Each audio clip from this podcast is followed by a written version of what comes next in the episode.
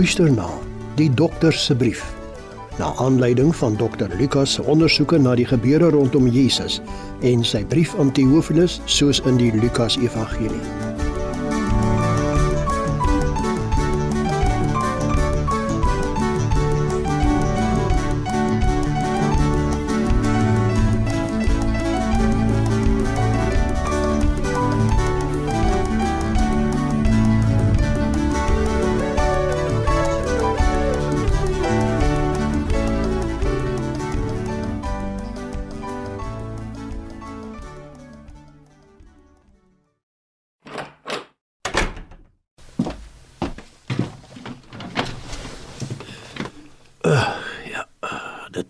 'n vermoeiende dag. Ek is lekker moeg na al die afsprake. Hoe goed om vir 'n slag net agteroor te sit en te rus. So ja. So baie siek mense. En almal wil hê ek moet hulle gesond maak. Ek, Lukas. Ek is mos 'n dokter. My kop gons nou nog soos ek na almal moes luister. Dokter Lukas, wat kan jy my gee vir maagpyn? Dokter Lukas, hierdie hoofpyn maak my mal. Help tog. O, oh, dokter Lukas, daar's fout met my oë. Ek sukkel om mooi te sien. Het jy nie salf om aan te smeer nie? Dokter Lukas, jou pille vir my reumatiek wil nie help nie. Gee tog iets anders. Klagtes op klagtes. Ag, maar nou ja, hoe dan anders? Ek is 'n dokter en moet hierdie dinge verwag. Tog staan ek ook partykeer met my hande in my hare. Weet ek nie mooi wat om vir die siekes te gee nie. Wel, ons kan net die medikasie gebruik wat ons het. Verder is ons hande ook maar afgekap, behalwe om natuurlik te hoop vir die beste. Ook 'n dokter het maar sy beperkings. Ons bly net mense, nie dat die siekes dit glo nie. Vir hulle is jy baie keer hulle laaste hoop amper 'n soort god wat 'n woord spreek of 'n medikasie aanbied en hulle is gesond. Jy het mos die towerstafie geswaai. Ek wens dit kon so werk. Toe nou nie. Maar ek verstaan dit. Waar anders moet siekes hulp gaan soek? So van gesond maak gepraat. Dit laat my nou dink aan wat sommige van my pasiënte my kom vertel het van hoe dat hulle gesond gemaak is. En dit terwyl ek nie kon help nie. Hm, is nie altyd lekker om te moet hoor dat 'n ander dokter jou siek pasiënte kon gesond kry waar jy niks kon regkry nie. Ag, ek was tog bly vir die klomp se beterskap. Maar dit was ongelooflike stories van genesing. Tog was daar iets vreemds, kan ek amper sê, buitengewoons aan almal se verhale. Ek skud nou nog my kop in verbasing. Ek het besluit om notas te maak van wat almal kom sê het. Miskien kan ons later 'n mediese joernaal hieroor uitgee omdat alles so uniek was. Kom, laat ek gou weer daarna kyk.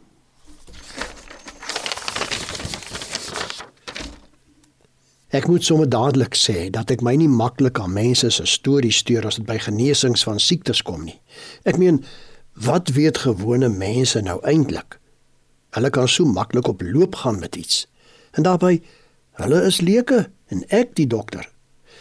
Maar tog, wanneer 'n pasiënt van jou aan wie se siekte jy niks kon doen nie, 'n tyd later terugkom en sê dat hy heeltemal gesond is, kan jy as dokter net verstom staan. En dan moet jy mos ondersoek instel en navraag doen. Dit is presies wat ek gedoen het. Ek het boek gehou van al hierdie pasiënte en wat hulle my vertel het. Wag, laat ons sien. Kom ons kyk. Ek sien hier dat Naomi kom sê dat haar bloedvloeiing wat vir meer as 12 jaar lank haar lewe versuur het, weg is. Hoe lank het ek net nie probeer om haar gesond te kry nie. Alle moontlike medikasie wat ek in die hande kon kry, pure verniet. Toe kom sy op 'n dag hier aan, so gesond soos 'n mens maar net kan kry. En bly was nie die woord om haar gemoedstoestand te beskryf nie. Sy was jubelend. Ja, ek was toe taal oorblif. Ek het ook hier geskryf dat Petrus, een van Jesus se disippels, sy skoonma na my toe gebring het nadat sy 'n vreeslike koors gehad het. Ja, ek het my bes probeer, maar kon haar nie help nie. Ek voel nou nog sleg daaroor. Ek meen, hoe moeilik kan dit wees om iemand se koors te breek? Maar hier kom klop Petrus aan my deur en sy skoonma staan langs hom. Geen teken van enige koors toe ek haar temperatuur meet nie. Daardie koors was weg. En sy was so gesond as wat kon kom. Sy was 'n ander mens. William, hy wat eers melaats was, het ook kom inloer. Eers wou ek hom nie sien nie, want hy's laas hier weg vol wit swere en al. Ek kon hom ook nie help nie. En mense met melaatsheid het jou volgens die wet onrein gemaak en ek wou eerder my afstand hou. Maar hy het bly klop aan my deur. En toe ek tog maar uiteindelik oopmaak, ek het so 'n tree agtertoe gestaan om nie aan te steek nie, pluk hy sy oorkleed af en wys my dat hy gesond was. Nie 'n merkie op sy vel nie. Die melaatsheid was weg. Kan jy nou meer? En ja, ek onthou nog hoe dat Jairus 'n raadslid van die sinagoge, sy 12-jarige dogtertjie na my toe gebring het, dodelik siek. Ek merk ek het nog hier na die ondersoek geskryf. Dit is so jammer, maar ek glo nie sy gaan die aandhaal nie. En dit nog so jonk. Ek het vir haar en haar pa baie jammer gekry. Kinders is veronderstel om te lewe en nie te sterf nie. En toe, die volgende dag, Hier staan dit swart op wit en ek het geskryf: "Kom ja, Iris hand aan hand met haar hier aan, so gesond soos 'n vis in die water." Die oogies wat fonkel en ja, Iris uit sy vel uit. Ek kom maar net my kop in verwondering skud. Ja, daar was nog heelwat ander. 'n Verlamde pasiënt wat na jare weer kon loop, 'n pasiënt met 'n gebrekkige hand wat genees is, 'n seun met stuiptrekkings wat nou sterk en fiks was, die offisier se slaaf wat sterwend was en toe heeltemal gesond geword het, duiwels wat al skreeuende uit mense gegaan het, en so kan ek aangaan en aangaan, te veel om op te noem. Natuurlik het ek elkeen ondersoek as jy dalk gewonder het. Jy kan mos nie sommer net enigiets glo nie, veral nie ek as 'n dokter waar dit oor gesondheidsdinge gaan nie. Ek kan jou verseker dat ek almal deeglik ondersoek het. Ek wou niks mis nie. Die resultaat? Tot my verbasing het ek ontdek dat dit so was. Almal heeltemal gesond. Hoe was dit moontlik? Wel, ek het alles probeer wat ek as dokter kon, maar niks wou help nie. Dit is maar moeilik vir 'n dokter as mense kwale het en jy niks daaraan kan doen nie. Maar tog was daar een sentrale aspek wat uitgestaan het, waarna almal verwys het. Ek onthou dit baie goed, want vir my as wetenskaplike as mediese dokter kon dit nie toevallig wees nie. Nog voordat ek hulle regtig kon uitvra, het hulle almal met 'n glimlag gesê dat die man, Jesus het hulle hom genoem, hulle gesond gemaak het in die meeste gevalle net deur 'n woord te praat. En dit was nie net een of twee van my pasiënte wat dit vertel het nie. Almal van hulle Vir baie van hulle het hy ook sy hande opgelê waarna die genesing gekom het. Ek kon dit nie daar laat nie.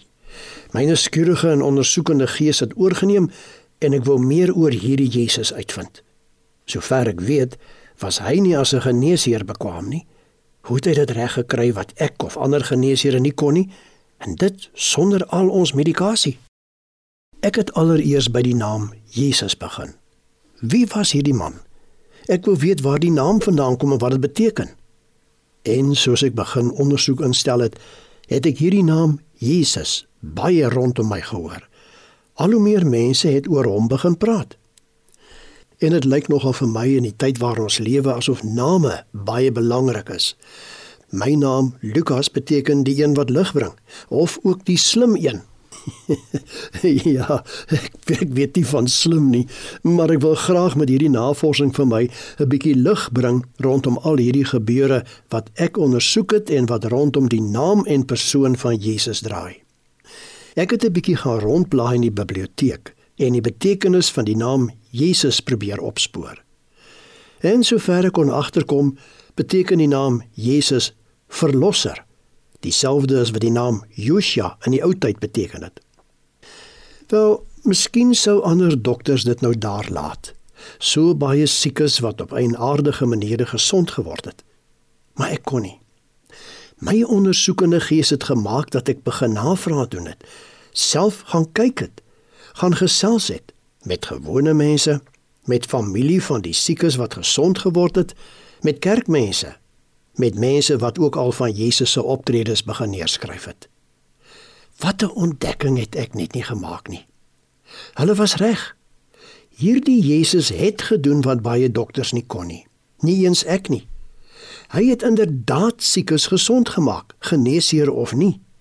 En nie met ons pille, stropies en salf nie, maar gewoonlik net deur 'n paar woorde te praat. Selfs Petrus het vir my gesê dat Jesus by sy koorsige siek skoonma se bed kom staan en die koors bestraf het. En bid jou aan, dit was weg. Sy het onmiddellik opgestaan en hulle bedien met kos en iets om te drink soos dit 'n goeie gasvrou betaam.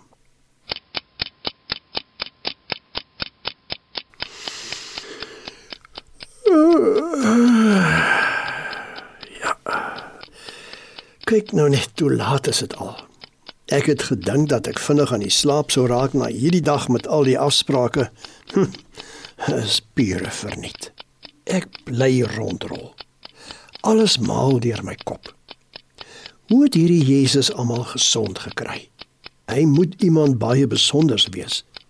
Dis nie sommer enige een wat kan doen wat hy doen nie. Miskien moet ek alles wat ek uitgevind en mense my vertel het netjies agter mekaar stap vir stap neerskryf dat dit nie vergeet sal word nie.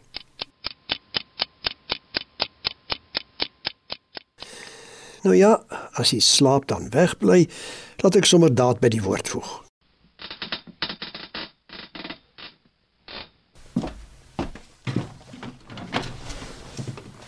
Ek dink ek moet eers vir Theophilus skryf. Hy's 'n baie belangrike persoon in ons samelewing en dit lyk my asof hy baie belangstel in die Christendom. Hy sal heelwat onderrig in die gebeure rondom Jesus se koms en lewe en miskien kan my navorsing hom help om alles wat gebeur het beter te verstaan. Ek is seker daarvan dat Theophilus sal glo wat ek skryf en hy met al sy invloed sal sekerlik geglo word indien hy vir mense van al die merkwaardige gebeure en van Jesus se aandeel daarin vertel. Immers ek glo dat mense opsien na hom. Nou ja, wag 'n bietjie. Waar is my skryfgoed? Ah, hierso. Ehm um, ja, hoe sal ek nou begin? Ehm um, goed, daar sê ek dit. Uh baie mense het al probeer om 'n behoorlike verhaal te skryf oor wat alles hier tussen ons gebeur het. Kyk maar net na dit alles wat die ooggetuies wat die woord moes verkondig van die begin af vir ons oorvertel het. Ek dink hier aan Markus en Matteus, twee van Jesus se disippels wat ook 'n dagboek bygehou het van alles wat hulle saam met hom beleef het. Hulle was inderdaad ooggetuies van baie van Jesus se wonderwerke. In my navorsing het ek ook gaan lees wat hulle geskryf het. Nou ja, waar was ek nou weer? My gedagtes maal vanaand so my kop. O ja ja, ek is besig om vir die hooflees te skryf. Dit lyk vir my gepas om ook vir jou hoëgeagte Theophilus die verhaal rondom die man Jesus se bediening onder ons stap vir stap en logies opskrif te stel. Immers Ek het al die gebeure van die begin af tot die einde noukeurig nagegaan. So sal jy nie hoef te twyfel oor die dinge wat mense vir jou vertel nie. Noukeurig nagegaan. Ja, inderdaad, dit het ek gedoen. Dit het nogal heel wat tyd geneem want ek wou dit deeglik doen en niks aan jou vertel wat nie heeltemal die waarheid is nie en nie geverifieer kan word nie, Theophilus. Daarom het ek seker gemaak dat ek in die meeste gevalle met die persone wat betrokke was self gepraat het. Kom ons begin by die begin. Die tyd toe Herodes oor Judea regeer het.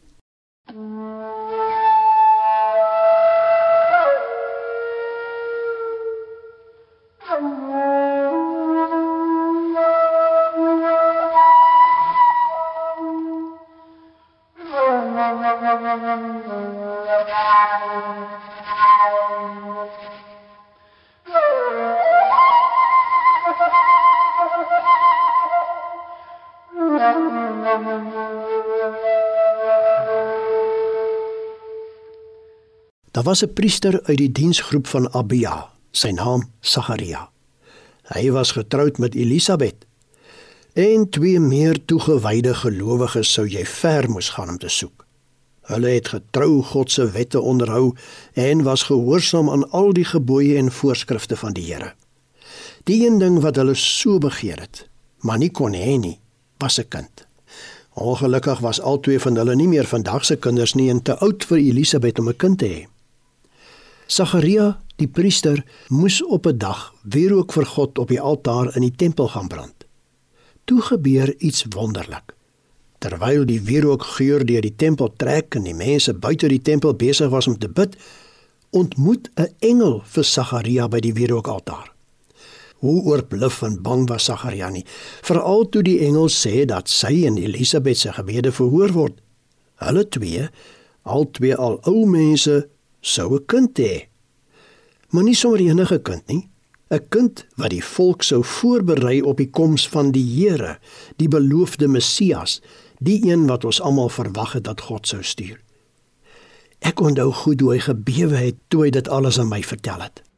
Ek kon dit nie glo nie, dokter Lukas. Ek en my vrou het baie hieroor tot God gebid, maar begin dink dat hy ons nie hoor nie. Miskien ook verstaanbaar want waar kan ou mense soos ek en Elisabeth 'n kind hê? Onmoontlik. Jy as dokter sal mos self weet dat dit nie kan gebeur op ons twee se ouderdom nie. En by dit alles het die engel wie se naam Gabriël is vir my die kind se naam gegee, Johannes. Ek het net my kop geskud toe ek dit nie hoor en het met die engel geargumenteer. Ek wou 'n teken hê. En toe gee die engel my 'n teken. Ek sou stom wees tot die dag van die kind se geboorte. Dan sal my tong loskom. Jy kan verstaan dat die mense buite die tempel nie mooi verstaan het wat met my aangaan toe ek na my skof daar uitkom nie. Ek kon nie praat nie, net beduie. Ek dink hulle moes agtergekom het dat iets met my in die tempel gebeur het. Ja, ek onthou dat Sagaria nog moedeloos was dat hy nie 'n woord kon praat toe hy die tempel kom nie. Almal was verbaas. Maar ons het later eers uitgevind dat die engel hom stom gemaak het omdat hy nie wou glo dat hy 'n kind sou hê nie en dit nogal nadat God so besluit het. Maar toe die kindjie gebore is, het sy tong inderdaad losgegaan. Ek onthou, ek was daar. Ek as dokter het gaan kyk of daar nie iets was wat ek vir hom kon doen nie. Miskien iets gee om aan sy stram tong te smeer. Maar tot my verbasing kon Sagaria van self weer praat.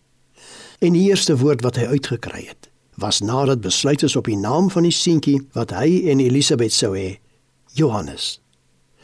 Eers wou Elisabet hê dat die kindjie se naam Sagaria moes wees soos die van sy pa, Maar toe hulle vir Sagaria vra hoe hy daaroor voel, het hy op 'n skryfbordjie geskryf: Johannes is sy naam.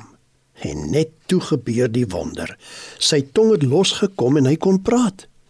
Almal was baie bly dat hierdie gerespekteerde man weer normaal kon praat. Is seker te verstaan dat as 'n man vir 9 maande stom was en nou skielik weer kan praat, hy die oomblik sou aangryp. En nie sommer net praat nie, Sagaria het 'n loflied vir God gesing. Ek onthou so 'n bietjie van sy lied wat hy spontaan gesing het. Lofwaardig is die Here, 'n sterk verlosser het hy vir ons laat opstaan en jy, my kind Johannes, sal 'n profeet van die Allerhoogste genoem word. Jy sal die pad vir die Here gelyk maak en mense van hom vertel sodat hulle van hulle sondes verlos sou word. En toe Elisabet so 6 maande swanger was, het Sagaria my vertel, het haar niggie Maria by haar gaan kuier en vir 3 maande by hulle gebly. Ek probeer nou onthou wat Sagaria se presiese woorde aan my was. Weet jy dokter Lukas, toe Maria daar by ons huis aangekom het, het die babatjie in Elisabet se maag sterk beweeg.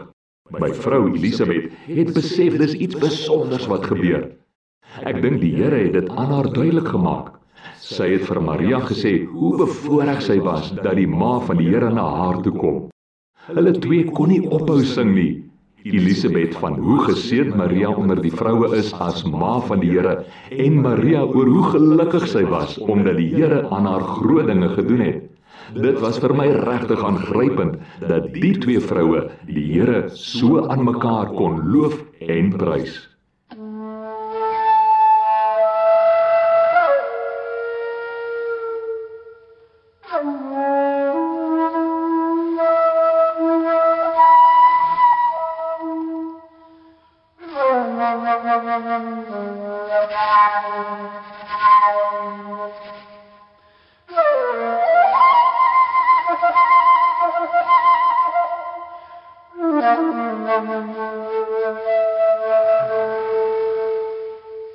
Nou ja, genoeg gedroom. Laat ek dit neerskryf voor ek vergeet. Die ma van die Here. Dis baie groot woorde. Ek wonder hoe Maria hierop gereageer het. Ek moes by haarself hoor en het besluit om met Maria te gaan praat. Sy was maar skamerig, nog baie jonk, maar ek kon agterkom dat dit wat sy beleef het, 'n diep indruk op haar gemaak het, bo menslik was en van die Here moes gekom het.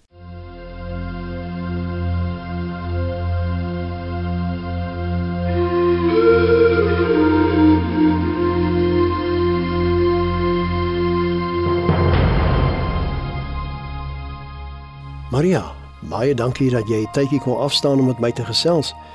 Ek aanvaar dat daar seker baie mense is wat graag met jou wil praat, veral oor wat met jou gebeur het. Maar dis my plesier, dokter Lukas. Wel, dis nie asof ek iets anders het om te doen nie. Jy weet met die swangerskap en al. Maar dis nie maklik om daaroor te praat nie. Jy weet mense verstaan nie as ek hulle hiervan vertel nie omdat hulle weet dat dit nie menslik moontlik is dat ek sonder 'n man 'n kindjie kan verwag nie. Nou kyk, dis nou juis oor jou swangerskap wat ek met jou wil gesels. Dit verbaas my dat jy so maklik daaroor kan praat. Jy sê dat jy nie sonder 'n man kon swanger word nie, maar daar is mos nou Josef, uh, jy en Josef, uh, julle is mos nog nie getroud nie. Dis waar ja. Ons is net verloof en toe Josef hoor ek gaan 'n kindjie hê, was hy uit die aard van die saak baie geskok. Hy wou self stilweg van my skei. Maar toe sê Josef vir my dat hy ook eendag deur 'n engel besoek is, net soos ek. En die het gesê hy moenie my los nie en hy sê toe hy sal met my trou. Dis mos nie sy of enige ander man se skuld dat ek swanger is nie. Ek verstaan nou nie mooi nie, Maria. Jy moet onthou ek is 'n mediese dokter. Hoe anders kon jy swanger word as daar nie 'n man by jou was nie? En hier praat jy van 'n engel wat aan jou en Josef verskyn het.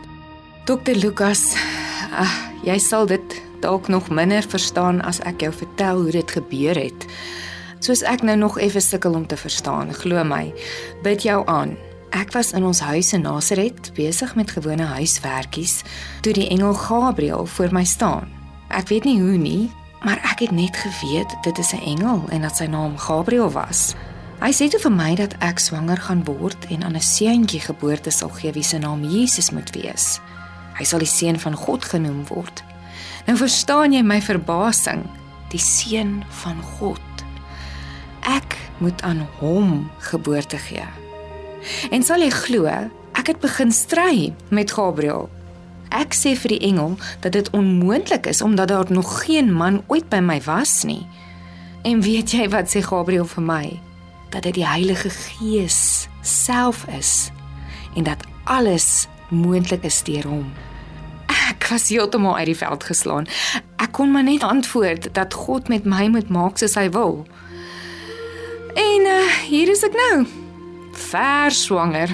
Hoe voel jy nou oor alles? Weet jy dokter Lukas, ek het alles aanvaar en ek neem nou elke dag soos dit kom. Ek verstaan steeds nie alles nie, glo my. Maar met my hele wese prys ek die Here. My binneste loop oor van vreugde omdat God groot dinge aan my gedoen het. Binnekort word die seun van God uit my gebore hoe bevoorreg is ek nie.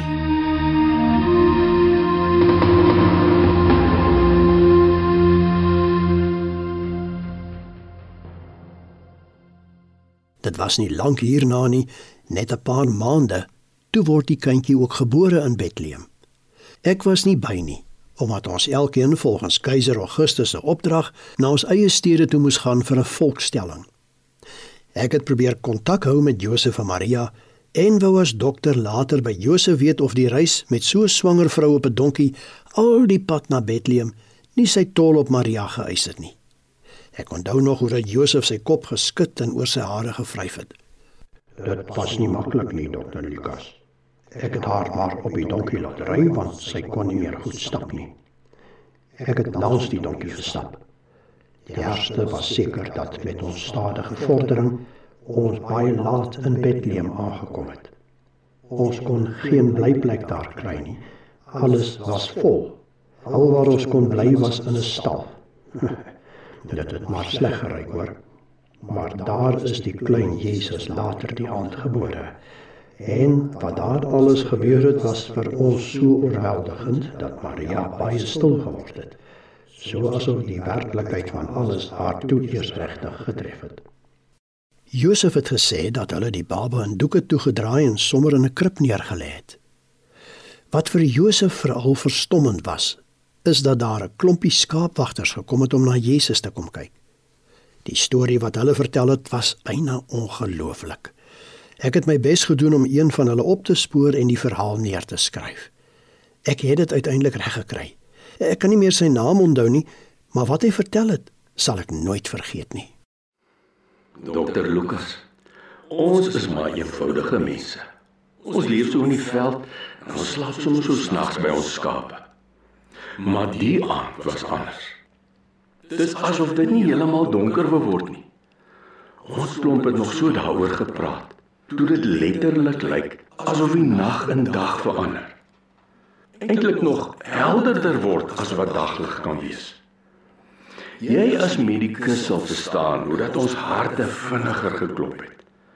Dis mos wat gebeur as jy bang word. En laat ek jou vertel, ons was bang. Want iets totaal ongewoons was hier aan die gebeur. Iets wat ons nie kon verklaar nie. En toe, glo dit as jy wil, het ons 'n engel gesien wat so half sweef in die helder lig. Moenie my vra hoe dat ek geweet het dat dit 'n engel was nie. Ek het net geweet. Want wie of wat anders sweef 'n en bo die grond en gee so lig af. Miskien is daar mense wat dink dat ons gedroom het. Dit was mos nag en donker en ja, Ons was moeg nadat ons die hele dag skape opgepas het. Maar ek wil dit baie duidelik maak. Daai helder lig was nie ons verbeelding nie. Hoe kan almal van ons dieselfde ding verbeel? En die gedagtes wat so in die lug sweef. Nee wat, dit kon net engele wees.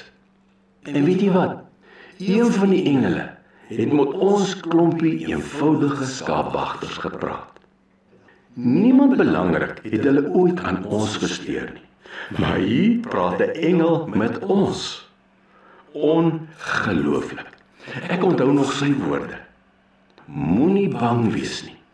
Hy sekerlik aan ons hele lyftaal gesien hoe die koue sweet ons afgetap het. Ek bring goeie nuus wat vir julle en almal in die volk bly gaan maak. Daar's vandag vir julle in Bethlehem 'n kindjie gebore wat die verlosser is, die Christus. Nou ons het geweet wie bedoel word met Christus, want ons het hom verwag, die gestuurde een van God af wat ons sou kom red van die Romeine en van ons sonde. Ons klompie het vir mekaar gekyk en gedink. Dis alles goed en wel. Maar waar is hierdie kindjie? Waar sal ons hom kan sien? Dalk het die engel agtergekom dat ons hieroor wonder. En toe sê hy: "Julle sal die kindjie kry in 'n stal nie ver van hier af nie. Hy's in doeke toegedraai en hy lê in 'n krib in 'n stal." En toe, dokter Lukas, gebeur iets nog meer aangrypend. Skielik was dit asof iemand 'n hemelse koor in 'n orkes oor 'n luidspreker aangeskakel 'n hele klomp engele het by die een kom sweef wat met ons gepraat het. Hulle het gesing soos ek nog nooit iemand hoor sing het nie. Dis asof die sang die hele hemelruim gevul het. En die lied sal ek nie maklik kan vergeet nie. Wag, ek roep gou 'n paar van my makkers wat saam daar was. Dan sê ons dit vir jou op. Want sing kan ons nie juis nie. En in elk geval sal dit nie so mooi klink soos die sang van die engele nie. Ons het die woorde neergeskryf om dit altyd te onthou.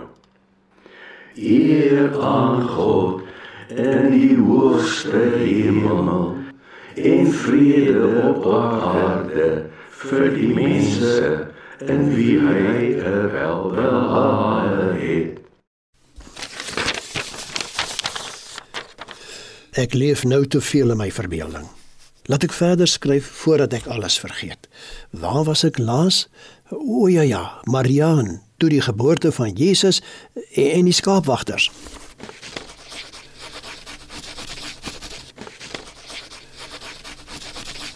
Nog was die skaapwagter nie uitgepraat nie. Ek onthou hoe opgewonde hy was. Jy wil seker weet wat ons klompie skaapwagters gedoen het nadat ons hierdie wonderlike nuus gehoor het. Natuurlik reguit na die stad van Dawid, Bethlehem gegaan en na 'n stal gaan soek waar 'n kindjie in 'n krib lê. Ons het nie lank gesoek voordat ons dit gekry het nie. Al die stalle het net diere ingehaal behalwe die een met die kindjie in die krib en sy ouers. Maria en Josef het langs die krib gesit en was verbaas om te hoor wat ons hulle alles van die engele en van die boodskap vertel het.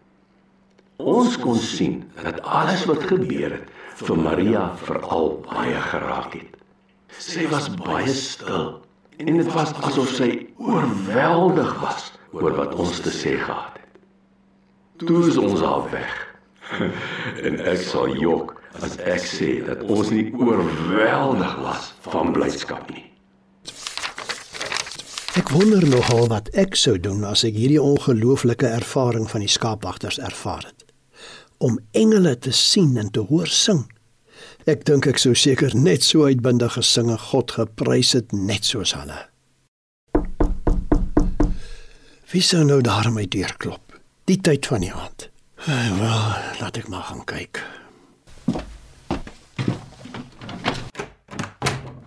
Simeon, dis nou 'n regte verrassing. Die tyd van die dag. Kom binne, is jy siek? Uh, uh, dankie, dankie dokter Lukas. Nee, nee, nee, ek is nie siek nie. Ek uh, ek wil net graag met jou gesels, maar, maar ek wil nie lastig wees nie. Nee, glad nie, glad nie. Jy is nie lastig nie. Waaroor wil jy gesels? Ek het uh, ek het by een van jou pasiënte gehoor dat jy jy besig is om 'n boek te skryf oor die dinge wat rondom Jesus gebeur het. Maar toe dink ek dat ek dalk ook iets het om te vertel. Indien jy nou belang sou stel natuurlik. Natuurlik stel ek belang. Ja, ja, ek is besig met so 'n skriffie. Maar kom sit. Dan vertel jy my nou alles. Ek was juis besig met my brief aan Theophilus. Ah, dankie, dankie. Ek was 'n tyd gelede in die tempel. Jy weet ek gaan gereeld daarin om God aanbid, maar die keer was dit asof iets my daarin gedryf het. En toe ek my twee oë uitvee, wie sou daar inkom? Niemand anders nie as Josef en Maria met klein Jesus by hulle. Maar dit gekom om die uh, vereistes van die wet met hom na te kom. Seker om hom te laat besny. Ek het in my hart geweet dat ek nie sou doodgaan voordat ek die beloofde verlosser gesien het nie. Want die Heilige Gees het dit aan my bekend gemaak. En hier was hy nou. Ek ek, ek kon nie help nie. Ek, ek ek moes hom in my arms optel. Jy kon seker nie stil bly nie, Simeon. Wat praat jy? Hoor dit sommer by my mond uitgeborrel. Magtige Here, U kan u dienaar nou in vrede laat gaan net soos u gesê het. Ek het nou u verlossing wat u vir alle mense gereed gemaak het, met my eie oë gesien. Hy's 'n lig wat nie gelowiges verlig om u te ken en vir u volk Israel glorie te bring. Ek sou nogal graag wil weet wat Josef en Maria se reaksie was. Jy kan jou dit voorstel, né? Hulle was heeltemal uit die veld geslaan. En het een kant verwonderd na my met die baba in my arms staan en kyk. Toe gebeur daar 'n vreemde ding met my. Nou seker regtig nuuskierig. Wat het gebeur? Dit was asof die Here deur my met Josef en Maria gepraat het. Wat het jy gesê? Kan jy onthou? Ja, ek onthou dit baie goed. Ek het eers vir Jesus geseën en toe iets soos die volgende vir Maria gesê: Luister mooi.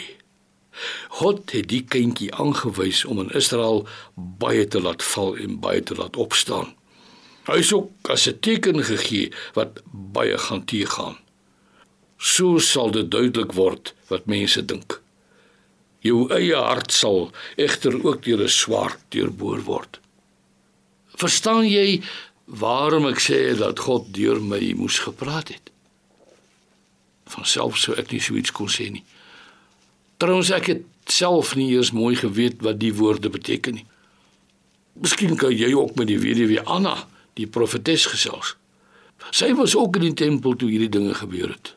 Moontlik kan sy byvoeg by wat ek vertel het. Mens sal seker in die tempel kry. Want sy bring lang tye elke dag en selfs in die nag daardeur, so sy vas en bid.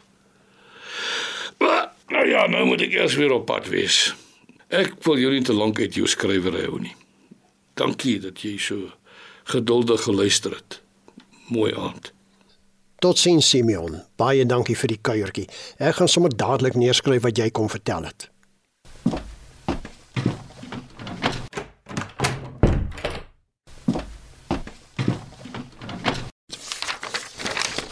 Sommer 'n baie interessante gesprek hierdie met Simeon Theophilus. Natuurlik sou my brief aan jou nie volledig wees indien ek nie ook met profetes Anna gesels het nie.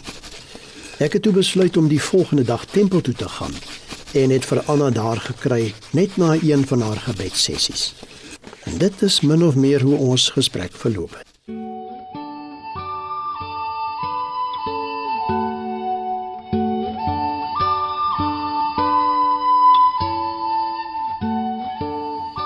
Profetes, weer weer Anna, uh, is dit moontlik dat ek so 'n paar oomblikke met u kan gesels? O, dit is jy, Dr. Lukas. Ek is wel al 84 jaar oud, maar ek is nie siek nie, hoor. Indien jy dalk wonder oor my gesondheid en met daaroor wil spreek. Ek lyk dalk maar so maar en vol plooie, maar ek is net weer besig om te bid en te vas. Nee, ek het nie gekom om te hoor hoe dit met u gesondheid gaan nie. Ek wou net meer hoor van u ontmoeting met Josef en Maria en die kindjie Jesus hier in die tempel. Simeon het my daarvan vertel. O, daaroor praat ek graag. Wat wil jy weet? Ek wil graag weet wat het gebeur toe u die kindjie sien. Ek het 'n vreemde drang gevoel om nader te stap toe Simeon vir Jesus in sy arms neem. Hy het so stil en vol vrede daar gelê en ek het in my hart geweet dat hy die een is wat die verlossing bring waarna Jerusalem uitgesien het. Al wat ek kon doen is om God te dank dat hy ons as mense nie vergeet het nie. Dit moes seker oorweldigend gewees het om die klein Jesus daar in die tempel te sien. Beslis. En jy weet mos dis moeilik vir 'n vrou om stil te bly as ons iets het om oor te gesels en dis wat ek toe gedoen het. Ek kon nie stil bly nie. Ek het met almal daaroor gaan praat, mense in die tempel, mense daar buite, my familie, almal. Ek is nou regtig baie nuuskierig. Wat was Josef en Maria se reaksie? Hulle was baie stil. Hulle het nie baie gepraat nie. Hulle moes oorweldig gewees het oor alles wat om en met hulle en veral met die kindjie gebeur het. Ek dink hulle moes alles eers gaan verwerk want hulle is kort daarna weg terug na Galilea toe. Ek hoor by vriende dat die kindjie gesond en sterk is en mooi groei.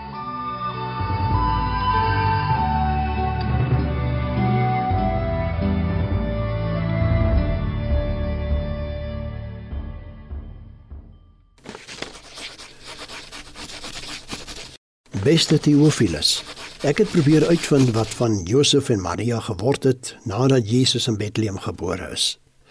Uit wat mense my vertel het, het hulle nadat hulle vir Simeon en Anna by die tempel ontmoet het, teruggegaan na Galilea, na hulle eie dorp Nasaret, waar hulle gewoon het en waar Josef 'n timmerman was. Daar het die klein Jesus opgegroei en sterk geword. Ek hoor daar word vertel dat hy baie slim was, vol wysheid en dat God se genade op hom was. En Johannes, Sagaria se seun wat die pad moes voorberei vir Jesus, hy het dit inderdaad gedoen. Eers in die woestyn gebly en kan jy glo sprinkane en heuning geëet. Maar toe hy begin preek, het hy vir mense gesê dat daar een kom wie se skoenveters hy nie werd is om los te maak nie. Die een sal die Christus wees die een wat God sou stuur om mense van hulle sondes te verlos. Hy het natuurlik na Jesus verwys, want toe hy op 'n dag besig was om mense te doop, het hy vir Jesus by die water sien staan en gesê: "Daar is die lam van God wat die sonde van die wêreld wegneem." Jesus het toe vir Johannes gevra om hom te doop, want het Johannes gesê hy was nie werd om dit vir Jesus te doen nie. Maar toe hy dit tog later doen, het dit gelyk asof 'n duif uit die hemel op Jesus gaan sit en 'n stem het hardop gesê: "Dit is my geliefde seun."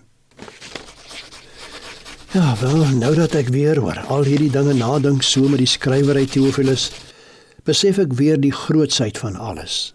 Dat ons, ek, jy, die mense om ons iets van God se liefde vir ons in hierdie wêreld persoonlik beleef.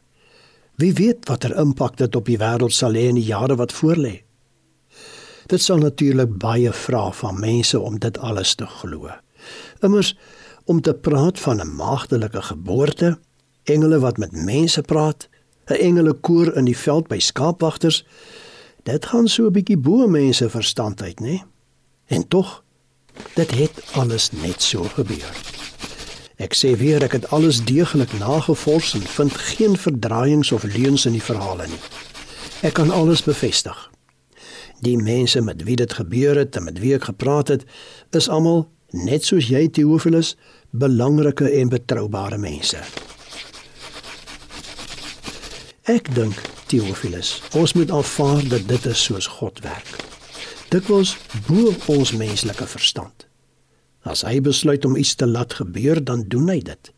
Hy het nie ons goedkeuring of menslike denke daarvoor nodig nie. Dit was ook my voorreg om heelwat saam met die apostel Paulus rond te reis en by te wees wanneer hy mense van die koninkryk van God en van Jesus wat toe al gekruisig was en opgestaan het vertel het. Weet jy, hy het myself die geliefde geneesheer genoem. Ek onthou hoe hy vir die mense in Antiochië gesê het: God het Jesus gegee as 'n lig vir die nasies om verlossing vir mense te bring tot in die uithoeke van die aarde. Party van die mense het hom toegejuig en geglo en gelowig geword.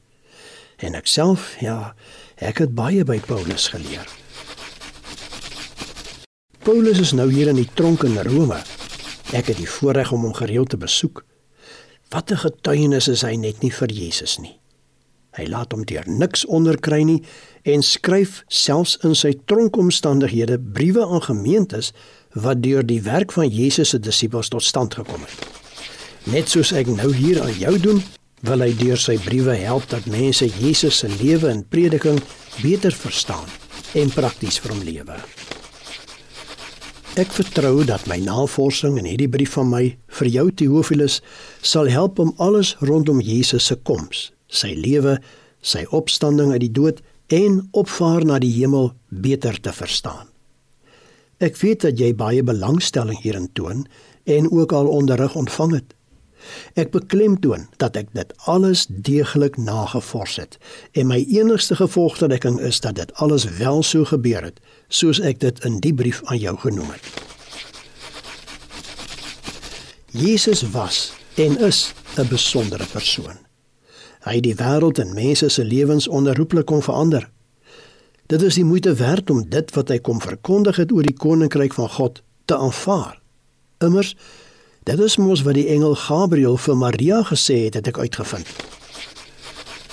Jy moet hom die naam Jesus gee. Hy sal groot wees en die seun van die Allerhoogste genoem word. Die Here God sal hom die troon van sy voorvader Dawid gee en hy sal as koning oor die nageslag van Jakob heers tot in ewigheid. Aan sy koningskap sal daar geen einde wees nie.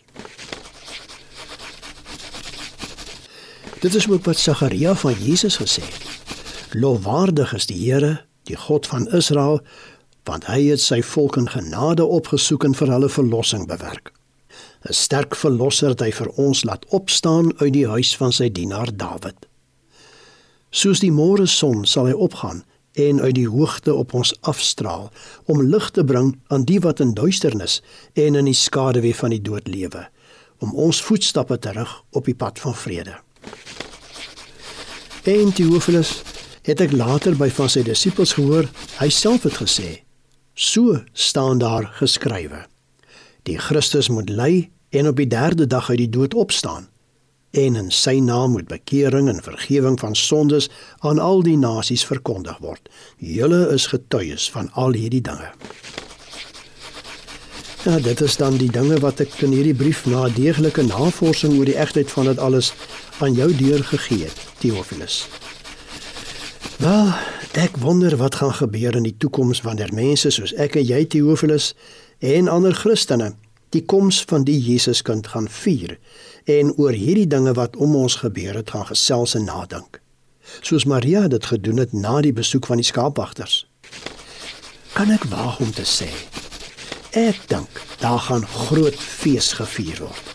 Immers wanneer 'n koning na 'n stad kom, juig die mense, klap die hande en staan toue om hom te verwelkom.